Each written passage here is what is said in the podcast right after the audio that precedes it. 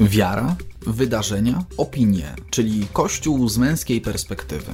Zapraszamy na kolejny odcinek serii Mężczyzna w Kościele. W opisie tego nagrania znajdziesz link do wersji wideo na naszej stronie drogaodważnych.pl.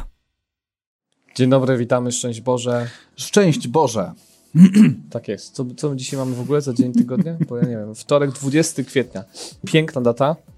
Coraz bliżej koniec kwietnia, coraz bliżej początek maja. Piękny czas wiosenny, coraz bardziej za oknem. Opony trzeba zmienić na letnie. No właśnie też o tym wczoraj pomyślałem i przypomniałem sobie, że nie mam opon e, i muszę je kupić i zobaczyłem, że już są kolejki. Więc tak naprawdę smutno mi się zrobiło. I tym właśnie opon oponowym, gumowym wstępem chcieliśmy Was serdecznie powitać. Tutaj obok mnie siedzi Mariusz Marcinkowski, Jarosław Kumor, mężczyzna w kościele, czyli o czym? Czyli o wydarzeniach przeróżnych, dwóch przynajmniej, ale dwóch bardzo różnych od siebie na pewno wydarzeniach. Zapowiemy Wam, co będzie. Trochę powiemy też o em, takie hasło dzielące społeczeństwo na prawo i lewo, szczepionki. Y, trochę powiemy o tym, że em, arcybiskup Dzięga dostanie nagrodę. Aha. I, y, I podzielimy się z Wami różnymi refleksjami na temat takiej fajnej inicjatywy y, Same Plusy Info. A w ciekawostkach tu już nie będziemy mówili, co będzie, bo to bo będzie dużo ciekawostek, także warto dzisiaj z nami być, bo trochę spróbujemy skomentować tą rzeczywistość em, mężczyzny w kościele. O, naszą rzeczywistość jak w to kościele. się ten mężczyzna Jak ma to się tego właśnie odnaleźć. odnaleźć. No to co, ruszamy? Rusz, ruszmy. Wydarzenia. Wydarzenia, tak? Prawda? No to tak już się robi newsowo, serwisowo, tak prawda? jest, I tak serwisik, dalej. proszę bardzo. wydarzenia, wydarzenia. Nigdy Chcesz się powiedzieć o Superlidze? Nie, bo uznałem, że to jest taka informacja, w której się tak nie, nie odnajdziesz po prostu. Że co, że niby nie Piłka- jestem fan? Jesteś, pi- tak piłka nożna to tak jest, wiesz, w gronie twoich zainteresowań jednak na dalszym planie, więc... Ja myślałem, że to jest jakaś liga kościelna, ale to tak słyszałem, że to tak się rodzi w bardzo y, cudowny sposób. No, jeżeli mam powiedzieć o, o Superlidze, to ja myślę, że jeżeli na jej czele stoi Florentino Perez, pre- prezes Realu Madryt, to to, to będzie ciekawe. Ja tylko usłyszałem, żeby nie było, że jestem takim ignorantem, Tak. że przestał odbierać telefony i tak powstała Superliga. Kto? Perez? Tak. O. No, nie wiem. Nie wiem. Znaczy, bo to ja chciałem tylko powiedzieć o tym, że na chwilkę odłożysz media, wyciszysz się i nagle, wiesz, przychodzi natchnienie. Superliga. Nie, Mariusz, nie. Superliga. o, tym, o, tym natchnieniu, o tym natchnieniu już od kilku lat się słyszało, że, że takie plany będą. No dobra, to ale inaczej. cóż, Odkładasz pełno- media na bok i przychodzi ten moment wyciszenia, kiedy jesteś gotowy podjąć tę decyzję. tak jest. No, to bardziej w tę stronę. I podjął. No No podjął, dobrze, znaczy, no po- dobra, podjął, zobaczymy. Zobaczymy, co, to się e, zadzieje. Kto wygra tak naprawdę, które lobby wygra? Czy takie UEFA-owsko-fifowskie, prawda? Czy ta mafia wygra, czy ta mafia wygra? O, tak bym powiedział. Tak, tak? może pojawi się jakiś trzeci nowy ta, gracz. ta, no. ta związana z federacjami piłkarskimi, czy ta związana z największymi klubami na świecie? Kto będzie silniejszy? A ty za kim optujesz? No, chyba bardziej taka dusza tradycjonalisty jednak za tą UEFA? pierwszą mafią. To, to co stare, znane. to bardziej tak. Michał pisze, to nie przejdzie, kibice nie pozwolą. No, też tak myślę. No dobrze. Czy jednak y, mundiale i euro y, chyba jednak są wyżej. Ale okaże się wszystko. Dobra. Dobrze. Tydzień biblijny dzieje się. y, Jest w trakcie. Mieliśmy w niedzielę Inaugurację. na- Narodowy Dzień Czytania Pisma Świętego. Mhm. Czy czytałeś wtedy Pismo Święte w sposób narodowy? Ja myślę, że niedziela jest dobrym dniem, bo wtedy na pewno wszyscy przynajmniej słuchają. No, to znaczy wszyscy, którzy mają tę okazję, stworzą ją sobie. Tak jest. Prawda? E, Więc no, ja tam czytam sobie codziennie, więc tak naprawdę nie potrzebuję Narodowego Dnia Czytania Pisma Świętego, ale niewątpliwie fajnie, że takie coś się dzieje. Hmm. Chociaż... Ale powiedział, teraz wywyższa się nad nami, on czyta codziennie i on to tam nie potrzebuje. A ty nie czytasz? No czyta. Ale nie będę się tutaj tak obnosił z tym. Nie zadałeś mi pytanie, czy czytałem tego dnia, no to chciałem powiedzieć, że tak czytałem, ale... No to nie trzeba było od razu się tak chwalić, że codziennie. Dobrze, Dobrze, śmieję się oczywiście. Okej. Tutaj sobie trochę chciałem pożartować z kolegi. Czytałem w sposób zwykły zamiast uroczysty. Nie, I nienarodowy. Nie narodowy. Y, Ksiądz profesor Henryk Witczyk, ym, który stoi na czele dzieła biblijnego imienia Jana Pawła II, zresztą y, ksiądz, który pochodzi z mojej rodziny i diecezji, zawsze taka nostalgia, kiedy y, są tygodnie biblijne i właśnie czytam wypowiedzi księdza profesora Witczyka. Tygodnie biblijne mają na celu odsłaniać centralną rolę ukrzyżowanego i zmartwychwstałego Jezusa Chrystusa w dziejach człowieka i świata. No, to współgra to, co powiedział ksiądz profesor z hasłem e, tego tygodnia biblijnego. Zgromadzeni na świętej wieczerzy. Tak, wieczerzy, która w tym takim historycznym sensie poprzedzała mękę, śmierć Mhm. e, i zmartwychwstanie e, Chrystusa. Kolejne zdanie jeszcze tylko zacytuję z księdza profesora i, i myślę, że będzie można je e, skomentować. Po szeroko prezentowanej w Niedzielę Palmową i w Wielkim Tygodniu historii męki i śmierci Jezusa mamy szansę odkrywać jej uniwersalny charakter, jej wpływ na życie Kościoła i świata od pierwszego stworzenia aż do nowego stworzenia. E, No właśnie, mieliśmy Niedzielę Palmową, mieliśmy Wielki Piątek i rzeczywiście ta okazja do tego, żeby się wsłuchać w tą mm, Ewangelię, obszerną Ewangelię właśnie o męce, o śmierci mm, Jezusa i em, to jest mi bardzo bliskie osobiście. Rzeczywiście od, możemy odkrywać w tym tygodniu biblijnym taki Mhm. uniwersalny charakter e, tych wydarzeń i rozciągać je niejako w swojej świadomości, e, w swojej wierze na cały rok. E, Choć, a, znaczy, to jest, to jest jedna strona medalu i wydaje mi się, że w takim sensie hasłowym, e, pewnej e, w cudzysłowie albo nie w cudzysłowie teologii, która e, tutaj temu towarzyszy, e, to, to jest piękna sprawa. Natomiast nie wiem, czy tydzień biblijny, e, czy też masz takie wrażenie, że to jest trochę taka inicjatywa na siłę? Taka, żeby coś było. Natomiast, żeby rzeczywiście to mm, poszerzało świadomość, jakby odbiło jakieś widoczne efekty, chyba nie. Ale Do- rozumiem, że do też bardziej takiego- powiedzieć, nie. że tak naprawdę taki jest trochę cichociemny ten tydzień biblijny. Tak, tak. W sensie, że jest, ale tak naprawdę, no nie wiem, kiedyś pamiętam, że były takie inicjatywy, że były jakieś tam aktorzy czytali, coś tam, w Mhm, ogóle mhm. parafie się angażowały. M- Może przez pandemię jakoś to się przygłuszyło, ale z drugiej strony w sumie jest pandemia, to tym bardziej można było zachęcać. Ja czytałem Pismo Świętego, prawda? No, jeśli py- pytasz, czy mam niedosyt, to tak, mam niedosyt. Rzeczywiście jest to takie zrobione trochę tak, tak sobie. No nie wiem, no liczyłbym na to, że, że jakaś taka naprawdę będzie poruszenie, że czytamy to Pismo Święte. Chociaż przyznam ci szczerze, że sam przegapiłem, że ten tydzień jest. Znaczy, Mhm. coś tam się pojawiały informacje, ale jakoś tak nie, nie utrwaliło się to w moim sercu. Ja mam podobnie. Widzę, że godziny poranne wpływają jednak na dynamizm prowadzących. Tomaszu, za ten feedback ja są na... E, musimy się z Tobą zgodzić, niewątpliwie. I tak to właśnie z tygodniem biblijnym. No, także podsumowując od strony... Zachęcamy do tego, żeby czytać Pismo Święte, bo to jest ważne, myślę, Tak jest. powiedzieć. I od strony, jakby Tak patrząc na samą inicjatywę od strony merytorycznej, przepięknie to się kształtuje i jakby podpisujemy się obiema rękami. No a od strony takiej komunikacyjnej y, wydaje nam się, że ym, można to zrobić lepiej. Amen. Amen. Miłego czytania Pisma Świętego. Zachęcamy. Zresztą w naszej wspólnocie jest codzienna praktyka Bożych Poranków. E, Ci, którzy są z nami, to dostają codzienny komentarz do Słowa Bożego, e, więc nasz tydzień biblijny trwa cały rok. Ładnie? Tak na koniec? Tak, bardzo no, no, właśnie podsumowanie. Jeśli jeszcze mógłbyś to tak zaakcentować, nasz tydzień biblijny trwa cały rok. O, i wtedy było tak, wiesz, Dlatego mam Ciebie. z taką puentą piękną. Y, No tak. No myślę, że ważne, ważne bardzo to, co powiedziałeś na koniec. Tak, refleksję chciałem podjąć nad tym teraz. Podjąłem już, dobrze. Ale a propos, a propos Mhm. jeszcze, A, jeszcze nie, będziemy nie, nie wiem do czego przechodzić teraz. Tak? Tam, Do, mamy jeszcze jedno wydarzenie tutaj. Ja, bo to ja bym chciał jeszcze a propos tego dnia biblijnego powiedzieć, że, że pan minister Rzeczywiście, edukacji Rzeczywiście, tak, tak. na Jasnej Górze zaingu- inaugurował ten tydzień biblijny w szczególny sposób, bo wypowiedział się na Jasnej Górze, że powstaje nowa dziedzina naukowa w, pols- w polskim szkolnictwie wyższym, zakładam, czyli coś, coś czego jeszcze nie było na powszechnych, powszechnych uniwersytetach. To jest ciekawe jednak. Czy, a czy, bo ja nie jestem na bieżąco też może z, z polityką tak bardzo. Czy pan minister Niemożliwe. Cza- Czarnek, czy pan minister Czarnek jest jednocześnie też ministrem szkolnictwa wyższego? Czy się coś pozmieniało? Znaczy bardzo możliwe, bo mogło tak być. Coś mi się kiedyś obiło. No, pan uszy, pan minister mówisz- Gowin już nie jest, Tak. więc y, nie wiem, czy oni to połączyli, czy nie, no, ale nowa dyscyplina się pojawiła, biblistyka. Taka akademicka. No właśnie po to, żeby. No właśnie, może dzięki temu ten tydzień będzie się lepiej teraz obchodzić, bo wiesz, bo, bo na przykład uczenie będą musiały coś robić w ramach tygodnia biblijnego, skoro już jest No, taki ciekawe. kierunek. No, można to jakoś systemowo rozwiązać. No bo y, ktoś może sobie zadać pytanie, ale jak to? Przecież biblistyka do tej pory na wydziałach teologicznych była. Teraz rozumiem, Tak, że... Ale no, pan minister mówi, że dzięki temu podniesiemy jakość biblistyki mhm. i w ogóle, no. że będzie Polska taką y, będzie ogólną, dołożyć ogólną y, Tak, tak. dziedziną naukową. Bardzo jestem ciekaw efektów takiego zabiegu. Znaczy pan Ciekawe. minister Czarnek w ogóle ma dużo fajnych pomysłów, jestem ciekaw w ogóle jak będą wdrożone. Tak Bardzo dynamiczny pan minister. Tak.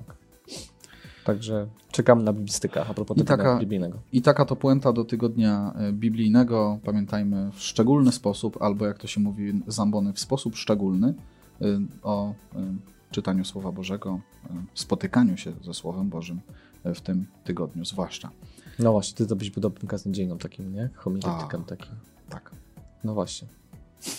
Także jak jesteś się zmieni. Szkoda, że nie, szkoda, że nie ma takiego osobnego w ogóle kursu jakiegoś ho, homiletyka, poza jakby... A możemy zrobić taki dział, tak wiesz, jak głosić kazania i wtedy miałbyś takie swoje trzy minuty co, Fajnie, co tydzień. fajnie. Trochę o akcentowaniu, o tej takiej melodii. O, No, ta melodia tak, tak. szczególnie to jest Ta fajna. melodia, e, tak. Umiłowani w Chrystusie Panu, bracia i siostry. Może tak. niedługo będą siostry i bracia. Trzeba, siostry i bracia. Nie, przepraszam, to źle powiedziałem. No Właśnie właśnie. siostry i bracia jest mega prawilnie już wtedy. No właśnie. Ale też e, w sposób szczególny i trzeba nam. To są jeszcze takie. Trzeba nam. Trzeba nam. Dobrze, już e, Idźmy dalej. idźmy dalej, tak. No, a propos, bo to tak księżowsko wszystko zabrzmiało, e, dotarła do nas smutna informacja. Jeden z... O, jeszcze Drake dopisał, przepraszam, po smutnej informacji, bo potem nie, nie będzie już nie, wy, nie będzie wypadać. Chciejmy! Chciejmy, ewentualnie trzeba nam pochylić się nad Biblią. Darku, podpisujemy się, a więc puenta do tygodnia biblijnego już Trzeba obiecujemy, że Pochylić nad Biblią, chciejmy to zrobić. chcieliśmy to zrobić. Tak. Dobrze. Od 1 stycznia Kamil nam prostuje, że Ministerstwo Finansów, czy doprecyzowuje, połączone teraz jest Ministerstwo Dziękuję. Edukacji i Nauki z ministrem Czarkiem na czele. Dziękuję, dziękuję jest. Kamilu, tak, czyli rzeczywiście słuszna to była intuicja. Tak, smutna informacja do nas dotarła 16 kwietnia zmarł ksiądz, y, ksiądz Stanisław Kicman, jeżeli dobrze pamiętam imię. Y, tak, tak, że jednak. y, ta Barwna postać. Może, za, y, może zawodzić, tak. Barwna postać, y, kapłan, który zmarł w 84 roku życia, jak dobrze wyczytałem w, na stronach tygodnika Niedziela. No, w zasadzie, dlaczego informujemy o kapłanie, Mhm. który miał 83-84 lata i po prostu zmarł? No nic by dziwnego w tym nie było, gdyby nie to z jednej strony, że to jeden z naszych Mhm. wędrowców w naszym programie Odważni.pl, aktualnie w stanie przebudowy. Y, y, Człowiek, który dzielił się swoim świadectwem w tem, te, wśród tematów takich bioetycznych, y, tema, tema, w temacie dotyczącym starości, to tak niegramatycznie powiedziałem w temacie, ale zostawmy to. No, barwna postać o tyle, że to ksiądz, który przyjął święcenia kapłańskie w wieku 76 lat, A wcześniej miał żonę, a wcześniej miał żonę i dzieci, ma dwóch, zresztą. dwóch synów. Znaczy już nie ma, ale Już, dzieci tak. żyją. W każdym razie, no to taki człowiek z doświadczeniem. E, Rzeczywiście ten wywiad y, z, jako wędrowca, spotkanie z wędrowcem był bardzo ciekawe, dobrze wspominam. Mhm. No tak, ten materiał. też dobrze się słucha kapłana, który ma tak rzeczywiście szerokie Doświadczenie życiowe. doświadczenie życiowe. To się no, praktycznie nie zdarza.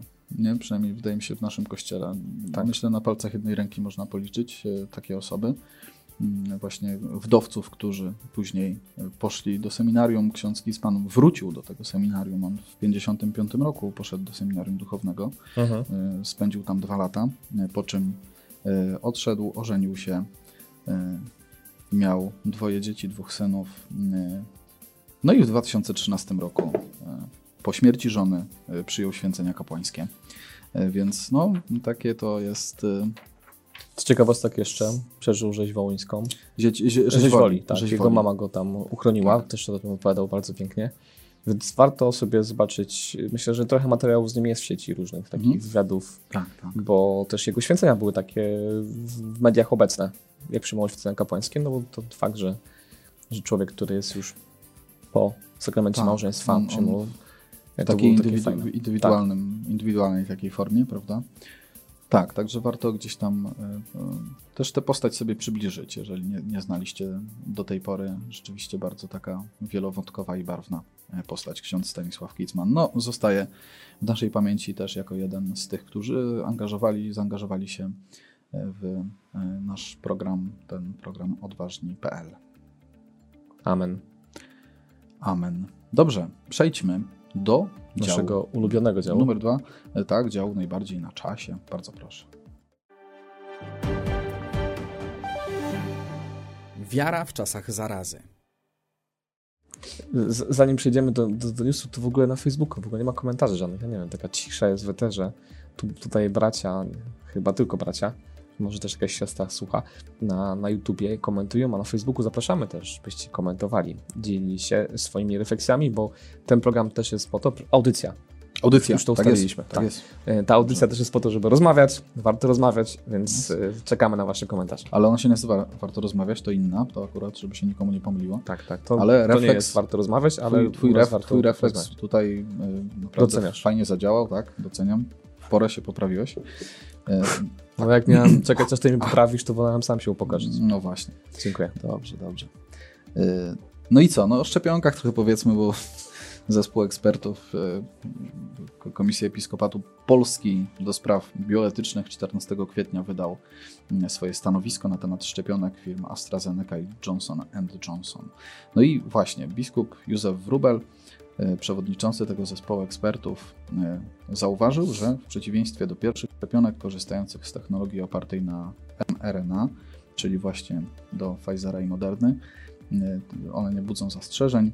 Natomiast właśnie AstraZeneca... Strzeżeń moralnych. Moralnych, tak. Oczywiście. Y, AstraZeneca Johnson Johnson korzysta z linii komórkowych stworzonych na materiale biologicznym pobranym od abortowanych płodów i, i jakby no, myśmy o tym już mówili y, przy okazji mm, dokumentu Kongregacji Nauki Wiary o dopuszczalności tych szczepionek 17 Mhm. grudnia. Natomiast teraz nagle widzimy, że y, zespół ekspertów przy właśnie polskim episkopacie wydaje taki dokument, takie stanowisko, w którym y, pisze, że ten fakt y, budzi poważny sprzeciw moralny i że katolicy nie powinni godzić się na szczepienie tymi szczepionkami, tymi, jakby nie powinni z tego korzystać.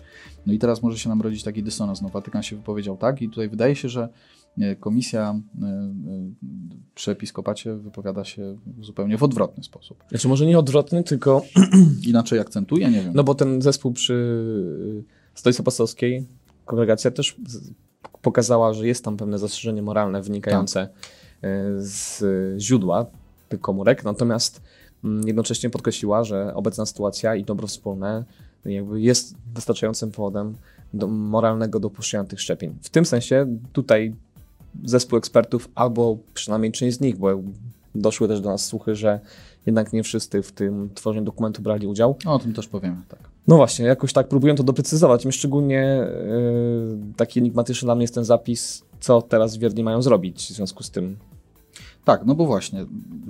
Ksiądz biskup Wrubel y, też w ramach właśnie konferencji prasowej, y, w której prezentowane było to stanowisko, taki można było mieć dysonans, tak? Ten fakt budzi poważny sprzeciw moralny, katolicy nie powinni godzić się na szczepienia tymi szczepionkami. Z drugiej strony, no to stanowisko nie wyklucza możliwości skorzystania z obu tych szczepionek. Mam wrażenie, że jakby to zakomunikowanie tego jest takie Nie Dwu- powinni się godzić, tak, to jest Tak, takie ale właśnie, jednak jest to dopuszczalne, Ale jednak, nie? tak, no ale jak jest dopuszczalne, to jest w ogóle ciekawy zapis, bo nie wiem, kto miałby to oceniać. No, jeżeli tak to rozumiem i tak to zostało wyjaśnione, jeżeli nie mamy możliwości wyboru innej szczepionki, jesteśmy wprost zobligowani określonymi, określonymi uwarunkowaniami zawodowymi, posłuszeństwa i tak dalej. Myślę, że ci, którzy też czytali to stanowisko, znają te zapisy, e, to możemy skorzystać bez winy moralnej z tych szczepionek. E, Bardzo e, mnie najbardziej się spodobało to, co jest na końcu, e, czyli e, konieczne, e, tutaj ksiądz biskup Wrubel dodał, konieczne jest jednak zamanifestowanie swojego sprzeciwu wobec aborcji.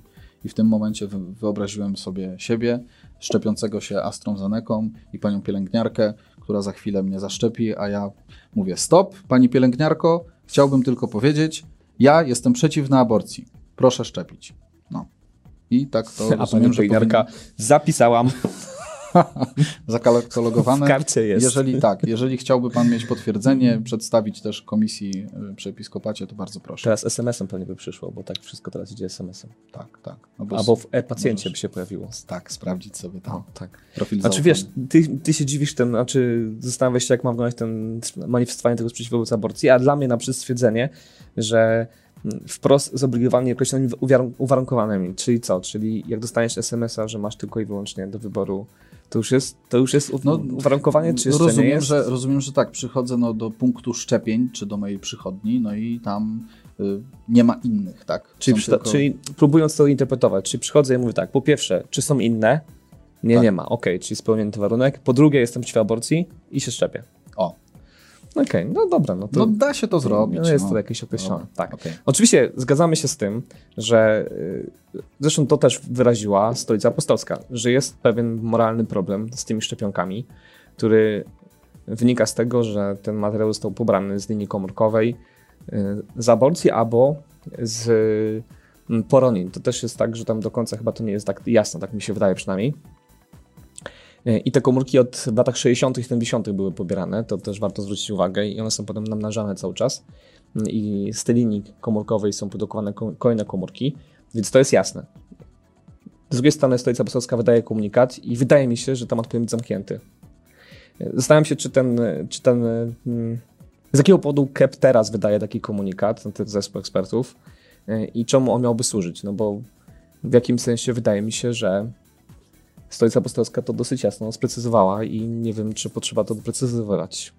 Oczekiwałbym przynajmniej, żeby po prostu Kev powołał się na te oświadczenie Stolicy Apostolskiej, ten dokument, który to określił. Ewentualnie powołując się na niego mógłby coś wyrazić przy okazji, prawda? Hmm. A tu ja mam wrażenie, że w ogóle nie ma odniesienia do tej dokumentacji Stolicy Apostolskiej. Otóż to, to z jednej strony, z drugiej strony coś nam mówi y, na temat całej sytuacji to, że w dniu dzisiejszym też ta informacja się pojawiła, y, że ksiądz profesor Piotr Morciniec oraz prawnik y, profesor Michał Królikowski zrezygnowali z członkostwa w zespole ekspertów KEP do spraw bioetycznych. Tak, jeden z nich mówi, od jakiegoś czasu byłem tylko nominalnym członkiem zespołu, drugi mówi, nie odnajduje się w obecnej formule pracy zespołu, więc widać, że tam też się też fermentuje, tak moglibyśmy określić, albo po prostu najwyraźniej tak jest, nie, nie cały zespół po prostu uczestniczył w przygotowywaniu tego, tego stanowiska i, i po prostu jest widocznie jakaś grupa ekspertów, którzy decydują, którzy, którzy stanowisko wydają, a pozostali są traktowani, no właśnie, tak jak ksiądz profesor Marciniec, jako nominalni członkowie tylko. Trzeba też dodać, że ten, to oświadczenie wywołało wiele komentarzy w świecie nie tylko liberalnym, otwartym, bo od razu pojawili się eksperci, którzy krytykowali to oświadczenie KEP-u, a jednocześnie chyba wcześniej nikt nie krytykował oświadczenia Stolicy Apostolskiej, Mm, ale też dużo katolickich publicystów wyraziło swoje zdziwienie tą sytuacją. Myślę, że Mhm. jednym z takich głośniejszych jest ojciec Grzegorz Kramel, który mm, zrobił zdjęcie z preparatem AstraZeneca z napisem, że Z on dumą. tam był, jestem dumny, że to zrobiłem. Podoba Ci się taki komentarz? No jest na przekór, jest, wiesz, no to jednak to, to podobne do Klikalne ojca takie, Grzegorza. w sensie. Na pewno, tak, to, to tak. Nic, nihil novi sub sole, jak to mówią. Tak. W przypadku e, ojca Kramera myślę, że to jest takie też trochę pójście na przekór, wzbudzenie dyskusji, e, czy zaproszenie pewne do dyskusji. Tak to To, interpretuję. to daleko interpretujesz. Tam, ja tam nie widzę żadnego zaproszenia do dyskusji, wręcz powiedziałbym, Hmm. że cichy sprzeciw, ym, cicho ciemny. No ale nic, no dobrze, w każdym razie o, inaczej to określę wsadzenie kija w mrowisko. można było skomentować tak, że z punktu widzenia dyplomacji może to nie było najszczęśliwsze rozwiązanie.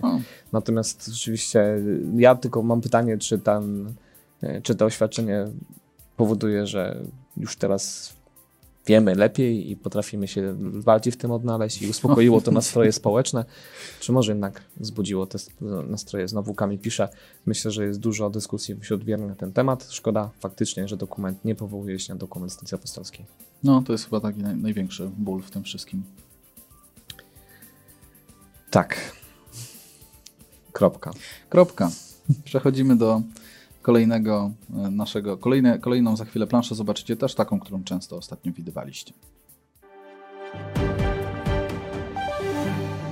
Grzechy Kościoła.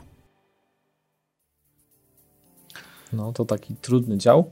Trudne, tak, ale ja nie chciałbym tutaj za bardzo wchodzić e, w szczegóły, bo się zakopiemy. Po prostu dużo różnych głosów na temat e, prognozowanej, prawda, zapowiadanej nagrody dla arcybiskupa Dzięgi na, na Kulów, e, sto, jakby nag- nagrody od Stowarzyszenia Absolwentów i Przyjaciół Wydziału Prawa Katolickiego Uniwersytetu Lubelskiego. Dużo już na ten temat zostało powiedziane.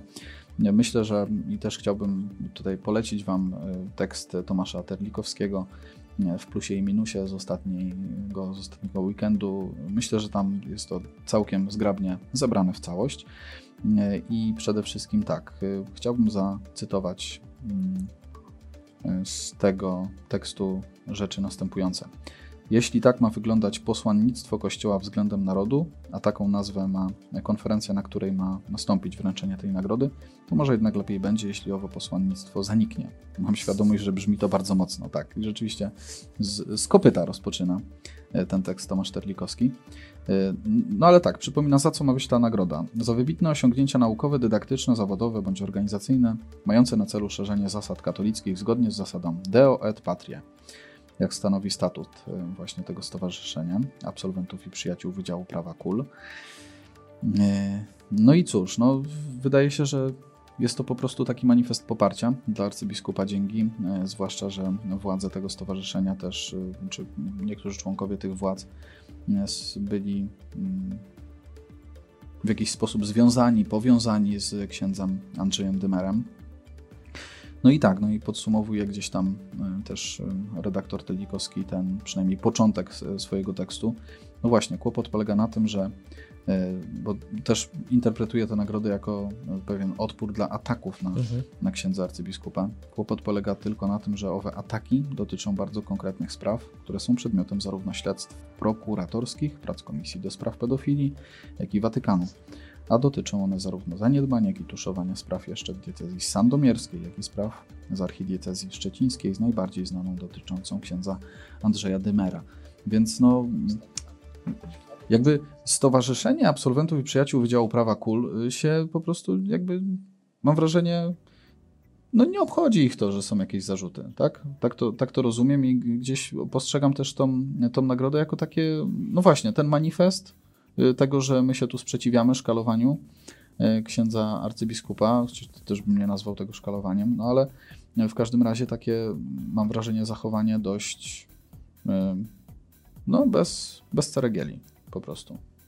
W sensie, ja bym się zastanowił jednak kilka razy, zanim, zanim taką, taką decyzję podjął.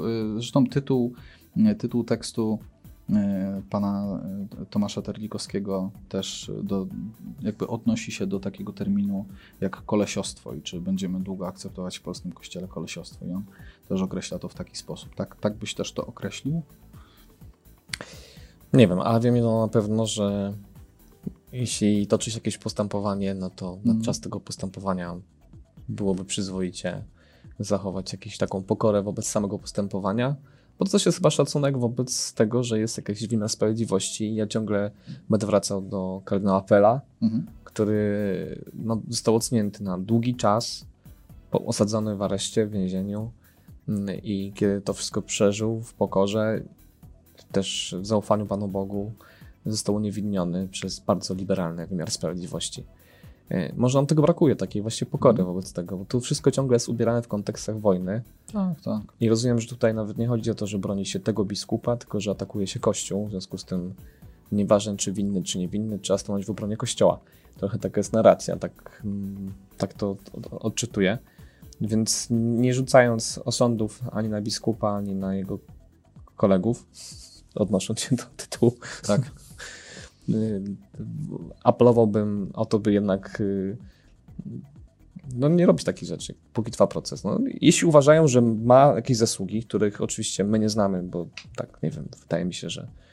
Tak, no też tak dość enigmatycznie właśnie ten jakby powód, dla którego ta nagroda jest dana. No może to są jakieś tajne zasługi, to mm, tak może tak, być. Tak, tak. Wiadomo, że tylko niektórzy wiedzą, tak, to tak może być też no to okej, okay, to można się wstrzymać. Na przykład za rok już będzie wszystko jasne, na pewno będzie już niewinny i wtedy można by było. No, w glorii i chwale też, tak. myślę. Tak, to właśnie. nawet to by było lepsze, prawda? No, no, no jak najbardziej. Ogłaszałem go niewinnym i dostaję nagrodę. Taki no tutaj scenariusz. też to rzeczywiście wygląda tak, jakby jednak tutaj stowarzyszenie, prawda, i koledzy księdza arcybiskupa wiedzieli, że już na pewno, że jest niewinny. Stuprocentowo, także. No cóż, nie wiemy tego na pewno. Oczywiście, domniemanie niewinności jest, no ale jak jest proces, to jest proces. Nie wiem, no jak y, dzisiaj czytałem na jednej z poczytnych portali, że pan Andrzej Duda miał wpadkę z samolotem, kiedy wracał z Babi Mostu. W sensie, że statowali bez kontrola lotów. Taki był incydent. Się tak y, tutaj zaśmieszkuję troszeczkę, jak powiedziałeś to imię i nazwisko, się przez chwilę, przez chwilę zastanowiłem, kto to taki. O, Naprawdę to jest ostatnio nic nie słyszę, ale wiesz, a ty też nie powiedziałeś pan prezydent Andrzej Duda, No wiem, a wiedziałem, wiesz, że Andrzej Duda powiesz. sobie tam coś tam. Gdybym powiedział pan prezydent, byłoby ci łatwiej, dlatego sprawdzałem Byłoby mi łatwiej zidentyfikować, kto to taki. Tak, ale mam wrażenie, to tak, ale to takie, wiesz... To wątek poboczny. Ja chciałem Wątek- tylko zwrócić uwagę. Wątek poboczny, że ostatnio nic w ogóle nie, nie wiadomo, kto to jest. No, ale ale to też tak. nie wiem, co chciałem powiedzieć, tylko analogię chciałem A, zrobić. Rozproszyłeś. Przepraszam. to co? Grzechy Kościoła wystarczy. Wystarczy, naprawdę. Tak. Dajmy sobie Wystarczy spokój już. Tak, starczy. Pozdrawiamy Kulu. Pozdrawiamy Kul, pozdrawiamy arcybiskupa Andrzeja Kul. Dzięgę. Cieszymy się bardzo.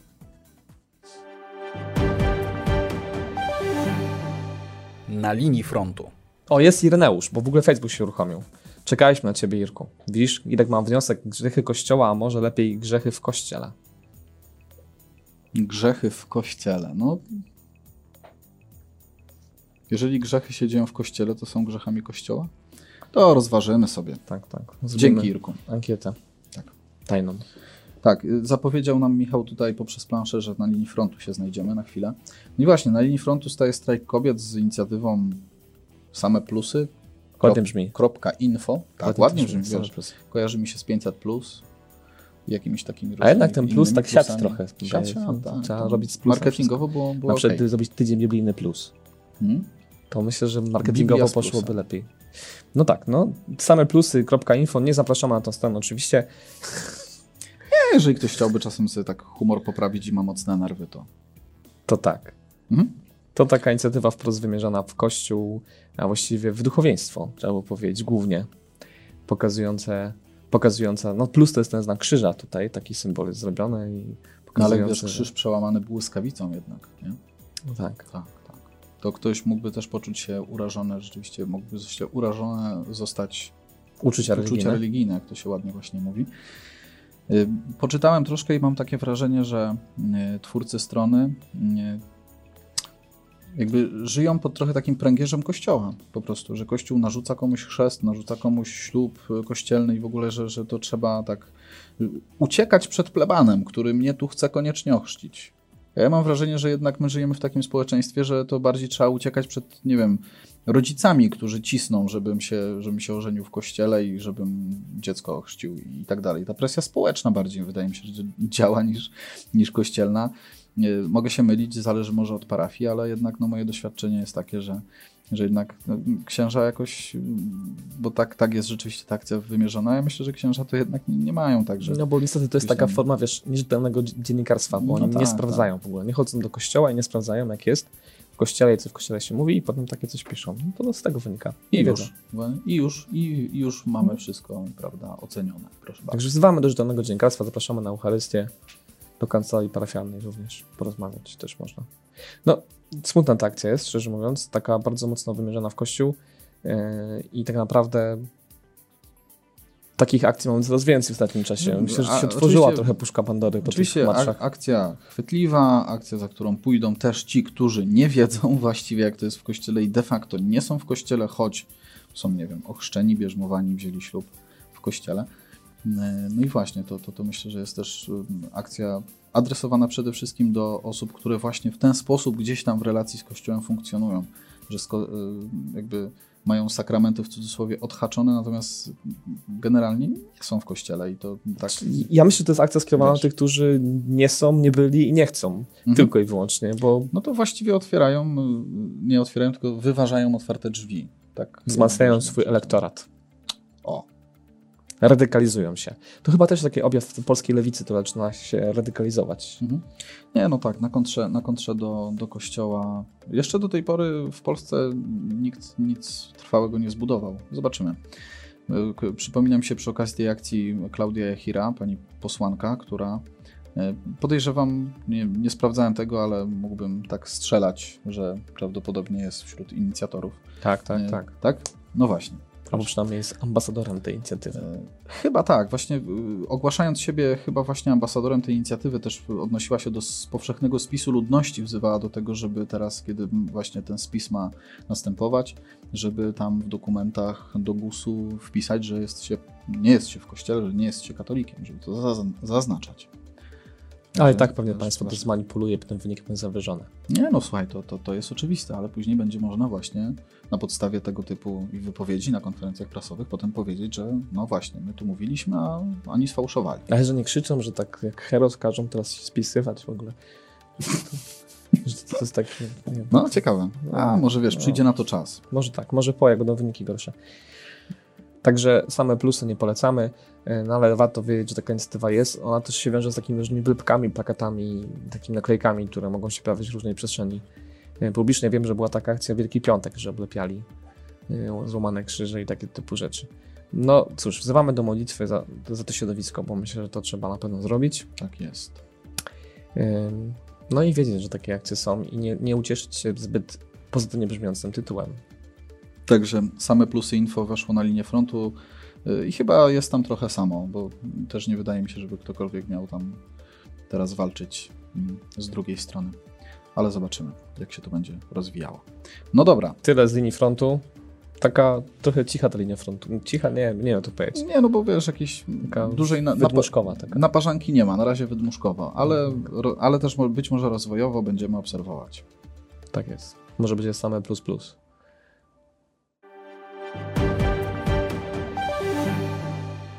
Ciekawostki. Nasz ulubiony dział. A teraz idziemy na jednego, to mi się zawsze tak kojarzy. Dawno nie byłem na żadnym weselu. No, dobrze dodałeś, bo to wiesz. Może to jest sanepidu nas ogląda. Właśnie. Yy, Okej, ciekawostki, ciekawostki. No Od czego to by tu zacząć? Wiesz, czasami tak jest, że się opija właśnie jakieś takie duże okazje, na przykład duże zakupy. Jakbym tak kupił dom, to pewnie bym to świętował.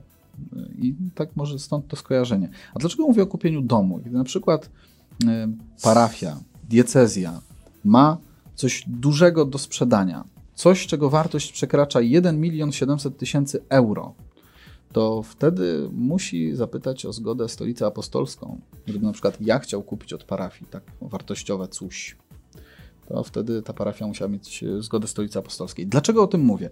Bo wczoraj do, dostrzegliśmy razem tutaj z Michałem na stronach e, Katolickiej Agencji Informacyjnej właśnie taką, taką depeszę, mm, depeszę czy komunikat e, ze stron episkopatu o tym, że wchodzi w życie dekret ogólny Komisji, Konferencji Episkopatu Polski w sprawie podwyższenia sumy maksymalnej alienacji. Tak zadumaliśmy się głęboko nad tym tytułem i próbowaliśmy tak jako tacy prości ludzie jakoś tak dojść do tego, o co chodzi właściwie, co, co to takiego. No właśnie, e, mamy taką refleksję, że jednak e, e, też biuro prasowe Konferencji Episkopatu Polski mogłoby czasami te komunikaty formułować bardziej tak dla ludzi, bo jednak chyba nie tylko księża korzystają ze strony episkopatu, nie, nie, nie tylko księża zajmujący się pra, prawem kanonicznym, nie? Wiesz co, no może by tak, No. że zrobili badania, że okazuje się tylko na przykład. I same plusy. PL. No to, czyli my jesteśmy takim wyjątkiem w takim razie. Nie Okej, uwzględniasz nas w może badaniach. Tak. tak, ale rzeczywiście, no to, to taka ciekawostka, rzeczywiście. Jeżeli chcielibyście coś takiego mega kosztownego kupić od kościoła, to, to I tu zakładam, tak stolica apostolska musi się zgodzić. skrótce policzyłem, że tak w sumie to kościół pewnie tyle mógłby kosztować jako budynek. Mhm. Nie, no tak, no to jest sporo, tak. Jeżeli sobie pomnożymy... Rozumiem, że to takie jest przesłanie, że nie może prawie- proboszcz, a to Prawie ogóle 2 jest, miliony euro Ja z nie wiem, 10 milionów złotych. Więcej? Nie wiem, no mniej, mniej trochę, z 8. tylko ja nie wiem w ogóle, czy wiesz, czy jakieś regulacje decyzjalne też tego nie, wcześniej już nie określają, no bo Mhm. nie wyobrażam sobie, że proboszcz miał taką władzę, żeby sprzedać budynek kościoła. Mhm. No dobra, no tak, no taka ciekawostka rzeczywiście.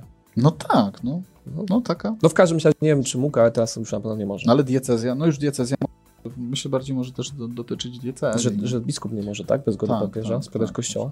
Na przykład, tak. Tam budynków jakichś kurialnych, czy coś w tym stylu. Nie wiem.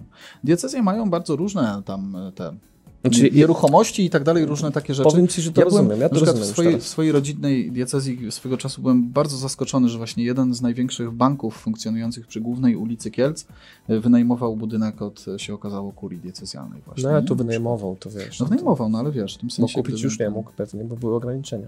Tak, tak. No nie wiem, ale okej, rozumiem, bo to są jakieś kwestie związane z tym, żeby. Właśnie może brakuje tu komentarza, po co w ogóle to jest, ten, taki, taka regulacja. No oczywiście, tu wielu rzeczy brakuje. No jasne, jasne. E, Ale tak spróbuję się domyśleć, że przy ostatnich też aferach finansowych, które były przy Stolicy Apostolskiej, rozumiem, że to jest jakaś forma też regulacji związana z majątkiem kościelnym, który może taki być i jest na pewno w wielu miejscach. I pewnie z tym, żeby ten przebieg transakcji takich, owych był bardziej przejrzysty i uregulowany. Mhm. Tak. Bardzo ładny komentarz. Tak. E, Zaproponujemy go biuru prasowemu e, KEP. No, jakby trzeba dodać też, że y, Katolicka Agencja Informacyjna w dniu dzisiejszym troszeczkę tam rozjaśniła tę terminologię. Czyli- Maksymalna alienacja i tak dalej, to wszystko tak. Już jest bardziej ludzkim językiem napisane. Czyli też ktoś im pewnie zwrócił uwagę też, że warto. Zapewne. To nie byłeś ty? Nie, Nie. zdążyłeś. Nie, już nie chciałem być taki czepliwy. No dobrze. No w każdym razie nie będziemy się alienować teraz już powyżej 1 700 tysięcy euro. Także Kościół bywa, bywa bogaty i miewa aż tak takie kosztowne nieruchomości albo inne dobra. To jest z jednej strony, ale z drugiej strony e, Kościół robi dużo dobrego i o tym w ramach ciekawostek też chcieliśmy tutaj wspomnieć. E, No właśnie, oddaję Ci głos, bo to jest e, ekspertyza, prawda, tutaj przewodnika katolickiego, Tak jest. czyli Twojego ulubionego tygodnika. Bardzo proszę. Pozdrawiam cały przewodnik katolicki. Bardzo fajne zestawienie właśnie tego, co robi Kościół w takiej przestrzeni charytatywnej, społecznej. Warto sobie na to zerknąć. Niestety tylko w wydaniu, e-wydaniu czy w wydaniu papierowym przewodnika katolickiego nie znajdziemy tego na stronach. E, I mamy tam zestawienie. A po po pierwsze, jeśli chodzi o organizacje charytatywne, 891 katolickich organizacji charytatywnych w Polsce. Mm, Czym się zajmują? 23% pomoc żywnościowa i sprzętowa, 19% pomoc skierowana do dzieci, młodzieży oraz matek, 14% to jest doraźna i ogólna, 11% psychologiczna, rodzinna, 9% osobom w kryzysie bezdomnym, bezdomności, 9% pomocy i usługi medyczne, 6% dorosłym z niepełnosprawnością, 5% osobom starszym, 2% osobom uzależnionym, 2% osobom bezrobotnym i ciekawostka na koniec, mniej niż 1% migrantom i uchodźcom. To akurat może być trudne zestawienie, trudna część zestawienia dla niektórych. Skąd się biorą pieniądze? A propos, mówimy o tych, tych państwowych, znaczy tych ogólnopolskich organizacjach charytatywnych. 62% to są oczywiście zbiórki e, w parafiach, darowizny, 59% to administracja samorządowa, Mhm. także całkiem spora. Ale y, jakby idąc za tym, co wrócę na chwilę do inicjatywy tutaj sameplusy.info, z informacji tej inicjatywy by wynikało, że Kościół to jest wyłącznie dotowany z państwowych pieniędzy, a tu się okazuje, że jednak nie. Tak, i co więcej, Nie jest to największa też suma. nie jest to największa suma. Mm, 62% to są sumy własne. Mm, I jeszcze jedno zestawienie organizacje przyparafialne. Mhm. 11 tysięcy mamy takich przyparafialnych, charytatywnych dzieł. Mm, 11 tysięcy parafii organizuje, przepraszam. 11 tysięcy parafii organizuje tych dzieł łącznie 65,5 tysiąca, więc całkiem dużo. Zestawiając te dwa, dwie pozycje, no to mamy tutaj no, ogromną ilość. 65,5 tysiąca organizacji przyparafialnych. W ogóle ja nie wiedziałem, że tyle. Mhm. To dużo, prawda? Ponad połowa z nich prowadzi działalność charytatywną. E, Szacuje się, że do takiej organizacji przynależy około miliona osób, z czego dwie trzecie to kobiety. O, to takie ważne. No to nie, to nie jest żadne zdziwienie akurat. To prawda. To dość mało i tak. To tak. 25% takich organizacji deklaruje, że swoją działalnością obejmuje więcej niż jedną parafię. Jak pomagają? Wsparcie duchowe, modlitwa, organizacja czasu wolnego, wypoczynku, pomoc materialna, nauczanie, żywność, finanse, szkolenia, kursy, interwencja kryzysowa, leczenie, rehabilitacja, ratownictwo. I komu pomagają? Przede wszystkim dzieci i młodzieży, 70%. Także tak a propos em, zainteresowania Kościoła wsparciem młodych ludzi. 56% osoby starsze i pozostałe grupy. Skąd biorą pieniądze? 49% zbiórki, 49% darowizny, w tym parafialne, e, 37% składki cz- członkowskie. E, Także no to tak fajnie wygląda. Ktoś I, sobie zadał dużo trudu. I jeszcze jedno zestawienie, słuchajcie, takie podsumowujące, żeby też wiedzieć, jakie te duże dzieła są, bo mówiliśmy o tym, Mhm. że tych dużych dzieł jest tam 800 91. 91, to tak wymieniając. Siostry zakonne prowadzą dwa szpitale, trzy hospicja, 25 gabinetów lekarskich, terapeutycznych, 28 zakładów opiekuńczo-leczniczych, 71 domów pomocy społecznej, 28 prywatnych domów opieki, 7 placówek całodziennej opieki dla pełnosprawnych, 6 zakładów rehabilitacyjnych, 120 placówek opiekuńczo-wychowawczych dla dzieci i młodzieży, specjalnej troski oraz sierot, 10 domów matek 10 domów dla matek z dziećmi, 5 hosteli dla bezdomnych oraz 80 stołówek dla biednych. To tylko siostry zakonne. Albo aż, oczywiście. O, zakony męskie to jeszcze trochę wymienione by było. 7 szpitali, 12 hospicjów, 78 ośrodków opieki Caritas, 27 domów pomocy społecznej, zakładów specjalistycznych, 16 przychodni, ośrodków zdrowia, 28 ośrodków pomocy rodzinie, 69 poradni psychologiczno-pediatrycznych, 112 świetlic dla dzieci ubogich z rodzin za- zagrożonych, 28 warsztatów terapii zajęciowych dla niepełnosprawnych, 3 ośrodki rehabilitacyjne, 11 domów dziecka, 14 ośrodków terapii dla osób uzależnionych, 50 kuchni dla ubogich, 9 schronisk lub noclegowni dla bezdomnych, 3 hostele dla osób uzależnionych i 15 mieszkań chroniących dla mężczyzn, chronionych dla mężczyzn. I jeszcze, żeby było mało, do tego trzeba doliczyć Caritas Polska i 44 Caritas decyzjalne. I już nie będę tego wymieniał, bo chyba No, starczy myślę, nam czasu. Ale specjalnie to wymieniłem, bo tak naprawdę, no właśnie, Czułem się jak na takiej litanii. ogrom inicjatyw, y, ogrom inicjatyw społecznych, y, charytatywnych, wspierających mm, Polaków. Jednak, trzeba to dodać, bez względu na przekonania religijne.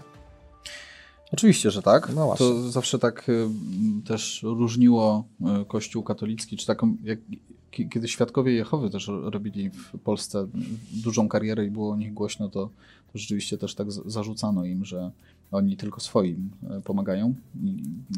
Rzeczywiście myślę, że Kościół katolicki ma to do siebie, że bez względu na, na wyznanie po, po prostu pomaga, bo to jest y, tak naprawdę jego no, charakter, jego, jego pewne założenia, tak, tak możemy myślę powiedzieć.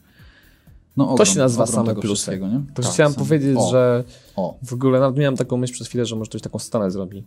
Prawdziwe same plusy albo coś w tym stylu, nie wiem. same plusy plus. Same plusy naprawdę, albo nie wiem, cała prawda o samych plusach. tak, to warto, warto to o tym mówić, bo myślę, że o tym się ciągle za mało mówi, prawda? Yy, Teraz pan Biedroń zrobił zestawienie, ile zarabiają duchowieństwo w kościele, nie wiem, czy widziałeś? O, nie, nie widziałem. No to tam tak się tam emocjonuje tymi zestawieniami. Bardzo szybko mu wypomnia, wypomniano, że zarabia więcej niż hierarchia, bo jego uposażenie europosła to bodajże 10 tysięcy euro e, miesięcznie. Plus pewnie jakieś e, dodatki na kolej to- pizzę. Nie, no tak, tak, tak. Na gabinet i tak dalej, te różne tematy. Uposażenia, te uposaże, uposażenie europoselskie, no to jest w praktyce znacznie więcej niż to, co powiedziałeś. No ale okej. No, Ym, więc tak warto o tym mówić, warto to promować i warto to pokazywać. Szkoda, tu mój apel do mojej ulubionej redakcji Przewodnika Katolickiego, że może jednak ten artykuł warto by było upublicznić tak za darmo, zrobić go otwartego, żeby można było go tak dalej przekazywać, udostępniać. Taką akcję byśmy zrobili. Napiszmy do Przewodnika Katolickiego, że, że warto to udostępnić. Bo Tak to jest. bardzo dobra robota wykonana. Takie zestawienie, ktoś musiał się tam natrudzić. Podejrzewam, że jakieś tam dane statystyczne Tak, są tak. zbierane, ale No, był podpis, tak, rzeczywiście. e, Z, z, jakie jest też źródło, źródło tych danych, ale rzeczywiście gdzieś tam po- powymieniać, pogrupować odpowiednio, to, to też duża praca taka dziennikarska. To w pewnej takiej, to pokazanie w pewnej makroskali, jak, jak to wygląda w polskim kościele, w, pewnej mikroskali ogrom pracy i ogrom e, działania możemy zobaczyć na kanale Tomka Samołyka e, u, w jego wywiadzie z księdzem Grzegorzem Kancelarczykiem z Fundacji Małych Stópek ze Szczecina. E, Polecam Wam bardzo serdecznie. Rzeczywiście widać też, jak. No i jakby to powiedzieć, no, kapłan, który po prostu robi swoje. E, Jakby widząc to powołanie do takiej pracy charytatywnej, e, jest w tym cały i, i działa rzeczywiście w sposób przepiękny. E, I sam wywiad w kon- w kontekście męskości też bardzo taki, taki mocny. To zresztą ksiądz po wojsku, ksiądz z wieloma takimi doświadczeniami też pomagania kobietom skrzywdzonym i kobietom, które po prostu ch- chcą decydować się na aborcję z powodu tego, że nie ma przy nich mężczyzny. I on wprost mówi e, o tym, że po prostu aborcję, aborcji de facto dokonujemy my mężczyźni bardzo często. To tak na marginesie. e, Warto obejrzeć. Warto obejrzeć jak najbardziej.